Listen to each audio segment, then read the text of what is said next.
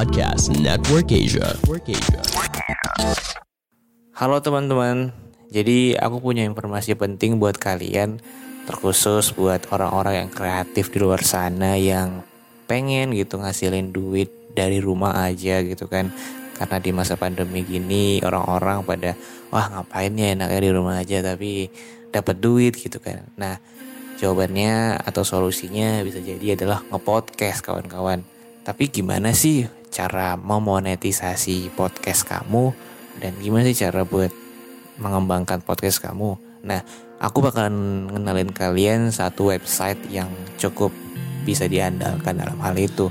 Namanya adalah Podmetrics. Di situ kamu bisa mengembangkan podcast kamu, terus bisa memonetisasinya.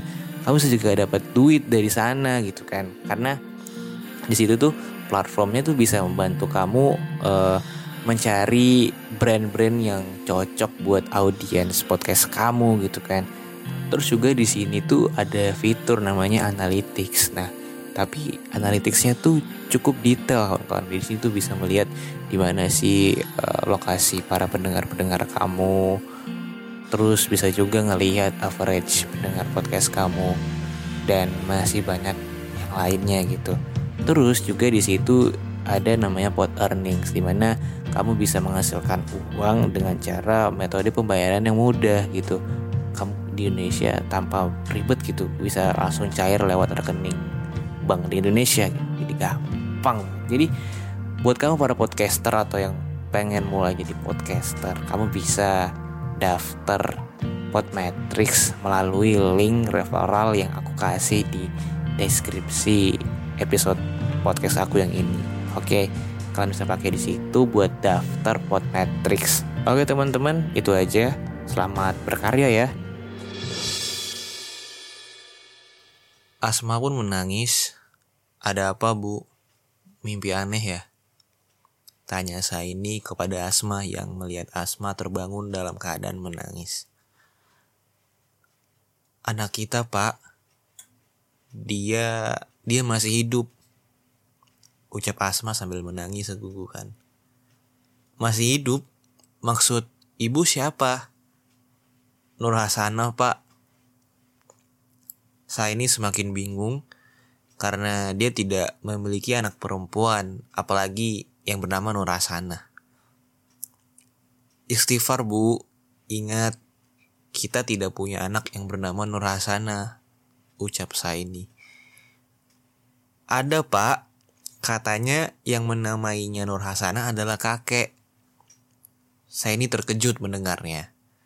Ternyata mimpinya sewaktu dulu bertemu kakeknya itu ada kaitannya tentang yang dialami Asma. Terus katanya dia lahir sewaktu ibu pendarahan sebelum Roni dilahirkan. Tambah Asma. Saya ini pun mencoba menenangkan Asma. Udah bu, serahkan semua kepada yang di atas. Jangan langsung percaya bu. Ucap saya ini lalu kemudian Asma pun berhenti menangis. Cukup lama hening dan saya ini terlihat melamun. Ada apa pak? Apa ada yang bapak pikirin? Ujar Asma yang melihat saya ini begitu bingung dengan lamunannya. Gak ada apa-apa kok bu. Bapak cuma teringat sewaktu kakek datang ke mimpi bapak. Ucap saya ini. Mendengar itu, Asma pun memandang saya ini dengan harap saya ini akan melanjutkan kisahnya. Kakek Sinampar pernah mengatakan jika dia ingin meminjam bapak untuk ikut bersamanya. Namun bapak menolak untuk ikut.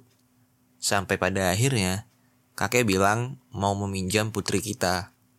Dan bapak hanya mengangguk karena bapak pikir kita tidak punya anak perempuan dan setelah itu, dia mengatakan jika suatu saat akan dia kembalikan.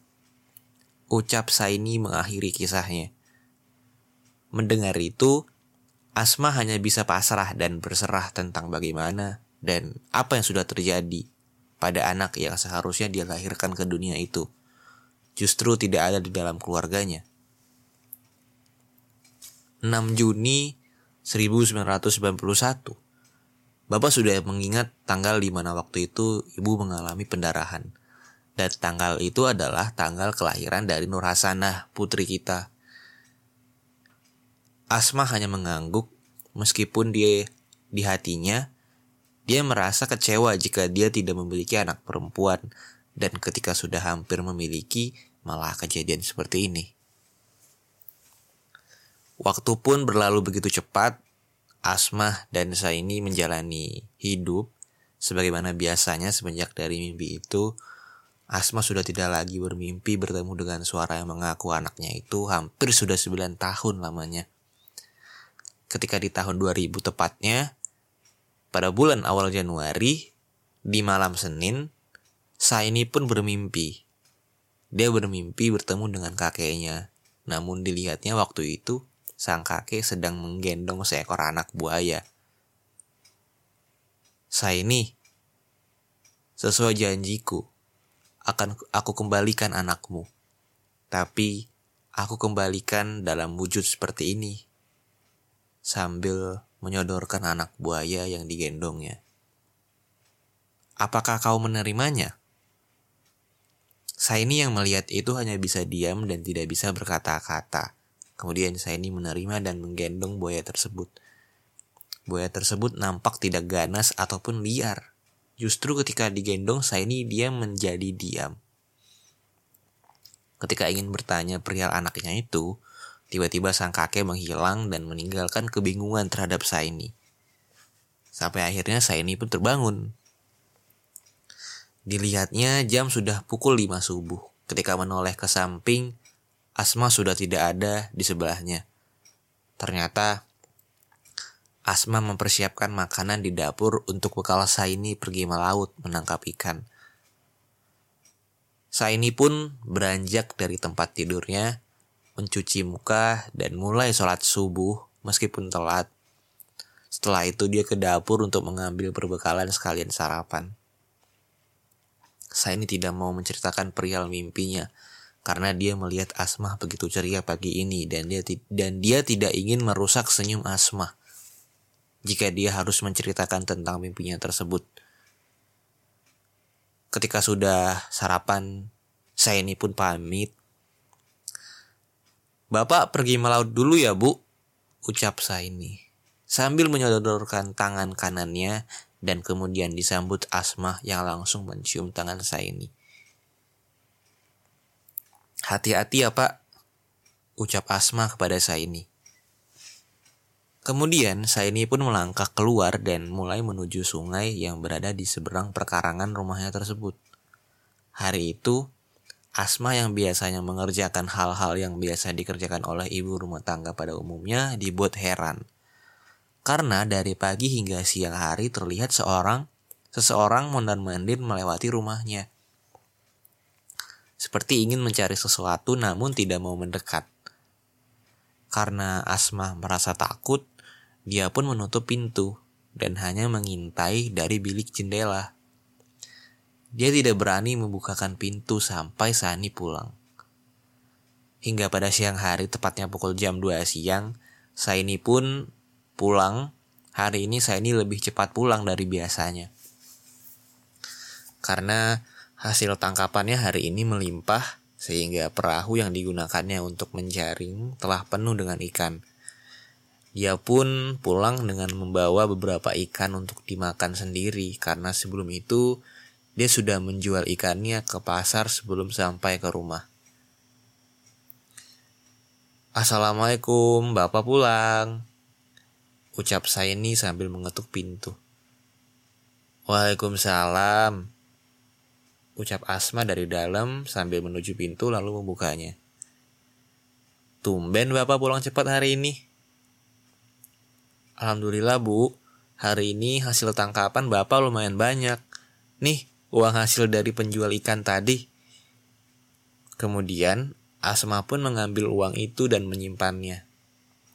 Saya ini pun duduk di depan teras rumahnya Asma masuk dan membuatkan kopi untuk saya ini. Ketika saya ini duduk di depan, orang yang tadi mondar mandir di rumahnya itu lewat lagi. Saya ini pun memperhatikan orang tersebut. Kemudian, tak lama orang itu bergegas pergi. Ada apa dengan orang itu? Gumam saya ini di dalam hati. Tak lama Asmah pun keluar dengan membawa secangkir kopi. Ini pak, diminum dulu. Ucap Asma sambil menaruh kopi di lantai tepat di depan saya ini. Terima kasih ya bu. Oh iya, tadi itu siapa ya bu? Lewat di depan rumah kita. Ketika bapak pandang, dia bergegas pergi. Tanya saya ini kepada Asma. Ibu juga nggak tahu pak. Justru orang itu dari pagi mondar mandir melewati rumah kita. Seperti ada yang dia cari namun tidak berani mendekat. Ucap Asma sedikit mengadu kepada saya ini. Semoga saja bukan niat buruk terhadap kita, Bu. Ucap saya ini, menenangkan Asma dari rasa takutnya. Tak lama, saya ini pun duduk di depan teras. Orang yang tadi itu pun datang menghampiri rumah saya ini, namun tidak sendiri. Dia berdua dengan seseorang yang dilihat dari pakaian seperti orang pintar, dilihat batu cincin di tangannya. Kemudian Assalamualaikum. Ucap orang tersebut sambil menyodorkan tangannya untuk bersalaman dengan saya ini. Waalaikumsalam.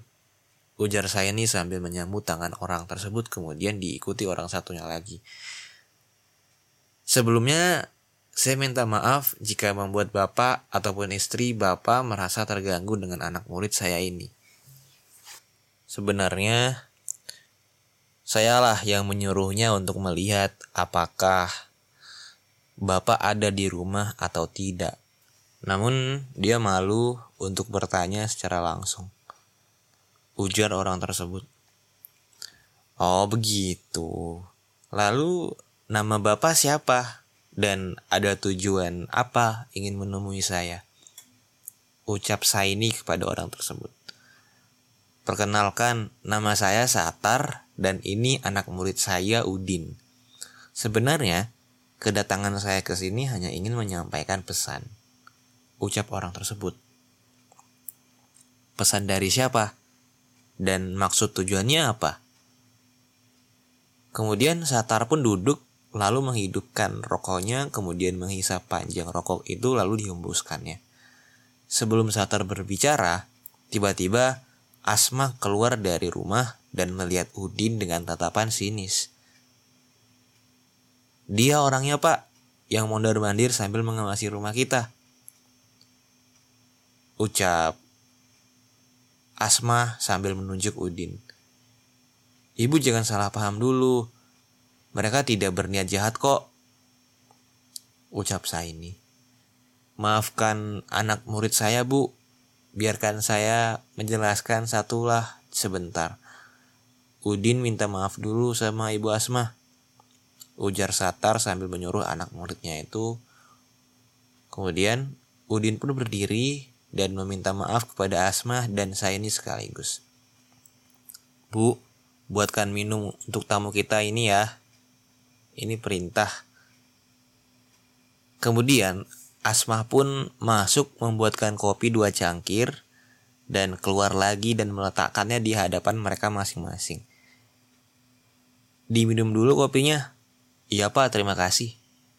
Asma pun ikut duduk di sebelah saya ini sambil berbincang tentang asal Satar. Yang mana Satar ini berasal dari Pulau Kalimantan dan salah satu pendiri padepokan silat di kota J. Setelah menempa ilmu dari tanah kelahirannya, beliau memiliki batu semacam penghubung dengan dunia gaib yang dia dapat sewaktu bertapa untuk menyempurnakan ilmunya. Setelah lama berbincang, kemudian saya ini pun kembali menanyakan perihal pesan yang ingin disampaikan Satar tersebut. Oh iya pak, kata bapak tadi mau menyampaikan pesan. Pesan dari siapa ya? Satar pun menyesap kopi lalu terdiam sejenak. Saya mendapatkan pesan dari seseorang dari alam gaib melalui batu ini. Namun saya tidak tahu namanya. Tapi saya begitu mengingat wajahnya. Ucap Satar sambil menunjukkan cincin yang digunakannya. karena batu yang dia dapat sewaktu bertapa tersebut telah dibuat menjadi cincin oleh Satar. Bisa ambilkan saya kertas dan pensil? Ucap Satar kepada Asma. Asma pun mengangguk dan langsung masuk ke dalam. Lalu Asma keluar membawa barang yang diminta oleh Satar itu. Satar pun mengambil dan memberikannya kepada Udin. Kemudian dia berdiri, lalu seperti membaca mantra dan menepukkannya ke Udin.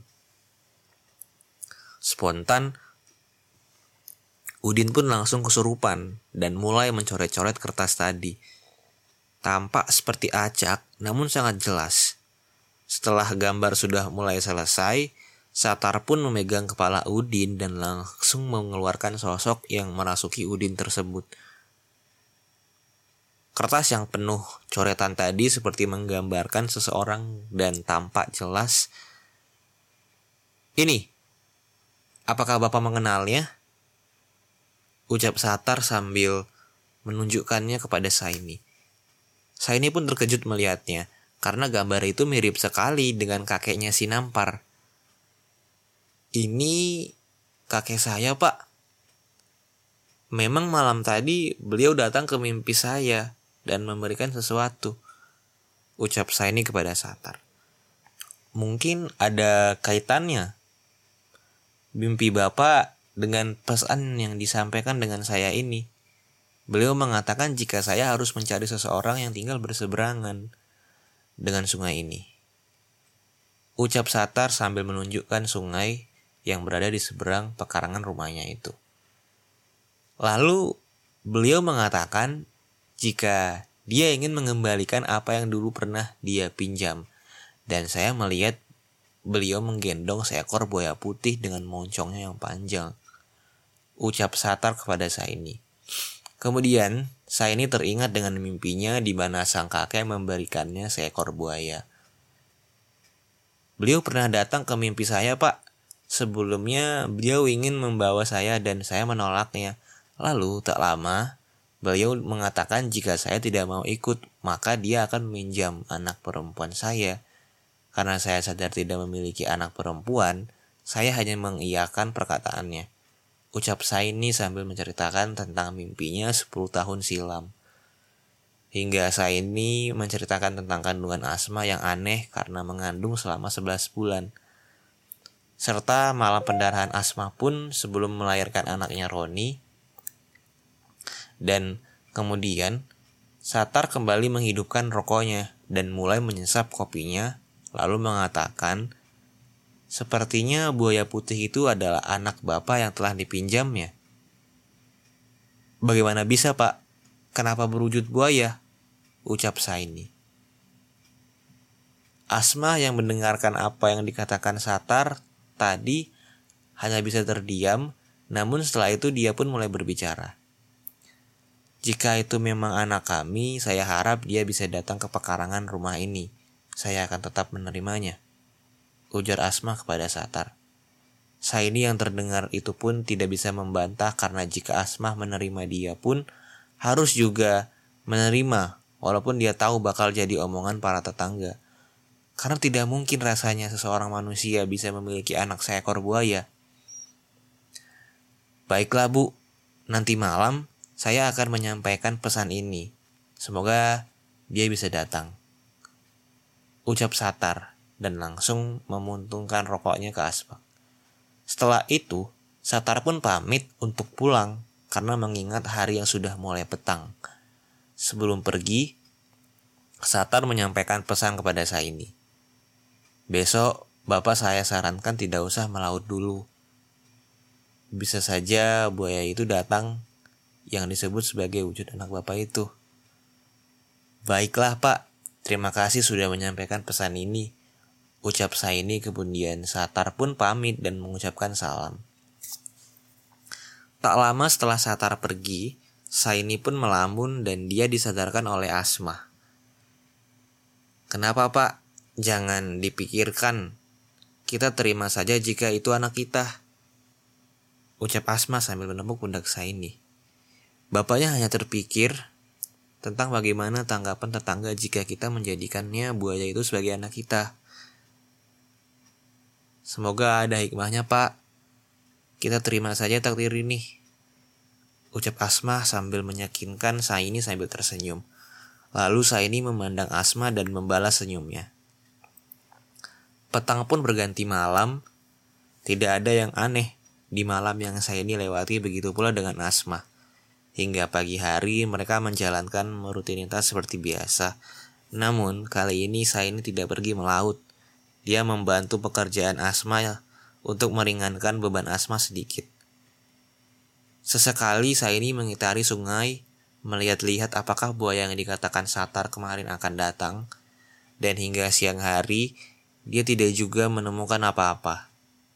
Dia pun memutuskan untuk pulang ke rumah dan makan siang. Sesampainya di rumah, saya ini langsung menuju dapur. Di lantai beralaskan tikar anyaman, sudah terletak lauk dan nasi yang siap untuk segera disantap. Gimana pak? Ada nemu? Gak ada bu. Bapak udah telusuri sungai, namun tidak menemukan buaya. Sungai itu kan memang tidak dihuni buaya selama bapak mencari ikan dan gak pernah ketemu juga. Ya udah kalau gitu pak, makan dulu. Asma pun mengambil piring dan memberikannya kepada Saini juga anak-anaknya.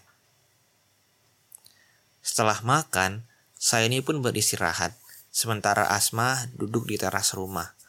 Lalu pada pukul 3 sore, Asma seperti melihat ada sesuatu yang mendekat ke arah pekarangan rumahnya. Dia berjalan pelan dengan langkah kecilnya. Asma tidak memperhatikan dengan jelas, dia hanya melihat rumputan di pekarangan itu bergerak. Kemudian dia pun mulai mendekat. Dilihatnya seekor buaya putih dengan moncong panjang sejenis buaya muara. Pak, cepat ke sini. Dia datang. Teriak Asma sambil memerhatikan buaya itu. Saya ini yang mendengarnya itu pun tercekat dari tidurnya dan langsung bergegas keluar. Mana bu? Mana? Itu pak. Nurasana sudah datang. Ucap Asmah terdengar seperti haru namun tidak menangis. Melihat buaya itu, awalnya saya ini takut untuk memegangnya. Setelah dia coba, ternyata buaya itu jinak dan tidak agresif ketika dipegang. Cepat gendong pak, bawa ke rumah. Tunggu dulu bu, nanti kalau bapak digigit gimana? Ujar saya ini yang sedikit merasa takut. Namun, siapa sangka naluri seorang ibu kuat dan dia yakin tidak ada tidak akan ada apa-apa dan seorang anak tidak akan menyakiti ibunya. Kemudian Asmah pun segera menggendong buaya itu tanpa menghiraukan rasa takut. Lalu masuk ke dalam rumah. Dan diikuti Saini yang merasa sedikit malu. Kita letakkan di mana, Pak? Kita letak di baskom besar aja dulu, Bu. Besok Bapak akan buatkan kamar khusus untuk Murasana, ucap Saini. Kemudian diletakkannya lah buaya itu di dalam baskom. Keesokan harinya, Saini pun membuatkan kamar khusus untuk putrinya yang seekor buaya itu. Kamarnya hanyalah ranjang yang agak rendah dan terdapat bak mandi yang dibuatnya dari keramik untuk mandi buaya itu lalu setiap diisi kamar di sisi kamar Dibuatkannya kandang seperti penghalang. Sudah satu minggu saya ini dan, dan Asmah memelihara buaya itu. Namun pada awalnya mereka kesulitan memberi makan buaya itu karena pada umumnya buaya akan makan ayam mentah ataupun sejenis daging lainnya. Namun tidak dengan putrinya ini. Berulang kali Asmah meletakkan daging ayam mentah di sebelah buaya itu, namun tidak juga dimakan olehnya. Gimana ini pak? Belum dimakan juga dari pertama kita ketemu sampai sekarang, Nur tidak makan sedikit pun. Ucap Asma yang sedikit khawatir. Ya nggak tahu bu, coba ibu ingat-ingat. Sewaktu kemarin mengandung, kemarin suka makan apa? Kemudian Asmah pun teringat dia pernah mengidam mau ayam bakar sewaktu malam Senin. Bahkan setiap malam Senin dan malam Jumat, Asma selalu menyuruh Saini untuk membeli ayam bakar. Pak, siapa tahu Nur mau makan. Iya bu, bapak ke pasar dulu. Ucap Saini sambil menggunakan bajunya dan pergi keluar. Tak lama kemudian, Saini pun pulang dari pasar dan membawa ayam bakar. Ayam tadi kembali dia letakkan di hadapan Nur Hasanah, namun tidak juga dimakannya. Tunggu sampai besok aja pak, malam ini kan malam Senin. Siapa tahu dia makannya mengikuti ibu sewaktu ngidam dulu. Ucap Asma kepada Saini. Saini hanya membalas dengan mengangguk sambil memperhatikan Nur Hasanah. Hingga malam pun tiba, benar saja, ayam yang dibeli Saini tadi perlahan dilahap Nur. Asma yang sedari tadi memperhatikan Nur pun tersenyum melihat anaknya makan. Meskipun dalam keadaan tubuh buaya Asma tetap menyayangi anak tersebut. Pagi harinya, seperti biasa, Saini pun kembali pergi melaut. Sementara Asma di rumah mengerjakan pekerjaan rumahnya. Ketika cahaya matahari mulai terang, Asma pun berpikir jika Nur mau berjemur karena buaya memang identik dengan berjemur di matahari. Kamu pasti mau berjemur kan? Ini ibu bukain jendelanya biar sinar matahari bisa masuk. Ucap Asma sendiri yang yakin jika Nur mengerti ucapannya. Kemudian dibukakanlah jendela dari kamar Nur tersebut hingga sinarnya pun mengenai Nur. Namun, Nur justru menjauh dari sinar itu dan mendekat ke tempat yang lebih teduh. Lah, kenapa nak? Kamu gak mau berjemur? Pertanyaan Asma hanya dibalas oleh Nur dengan mengetuk-ngetukkan moncongnya ke bak mandi yang biasa Nur gunakan. Ya udah, kalau gitu Ibu tutup lagi jendelanya. Hari ke hari, minggu ke minggu, kabar tentang Saini dan Asma memelihara buaya pun tersebar di desa. Ada sebagian orang menganggap itu tidak wajar, dan ada, dan ada juga yang menganggap itu berlebihan. Hingga para warga yang penasaran pun mulai mendatangi rumah Asma dan Saini. Untuk menanyakan perihal tersebut, Saini maupun Asma menceritakan menurut mimpi mereka masing-masing. Ada orang sebagian percaya namun ada sebagian menghina, bahkan mengejek mereka. Namun, Asma yakin jika semua ini akan ada hikmahnya. Tahun demi tahun mereka lewati, Asma sering didatangi Nur Hasanah di dalam mimpi. Mimpinya hanyalah mimpi biasa tentang pengaduan seorang anak kepada sang ibu. Di dalam mimpi, Asma seperti benar-benar memiliki seorang anak perempuan pada umumnya, meskipun di dunia nyata raganya berbentuk buaya. Semenjak para warga datang, ternyata berita itu sangat cepat beredar dari mulut ke mulut, hingga banyak orang yang datang bahkan dari luar desa hanya karena penasaran dan ingin memastikan benar atau tidaknya. Pandangan dan opini yang disampaikan oleh kreator podcast, host, dan tamu tidak mencerminkan kebijakan resmi dan bagian dari podcast Network Asia. Setiap konten yang disampaikan mereka di dalam podcast adalah opini mereka sendiri dan tidak bermaksud untuk merugikan agama, grup etnik, perkumpulan, organisasi, perusahaan, perorangan, atau siapa pun dan apa pun.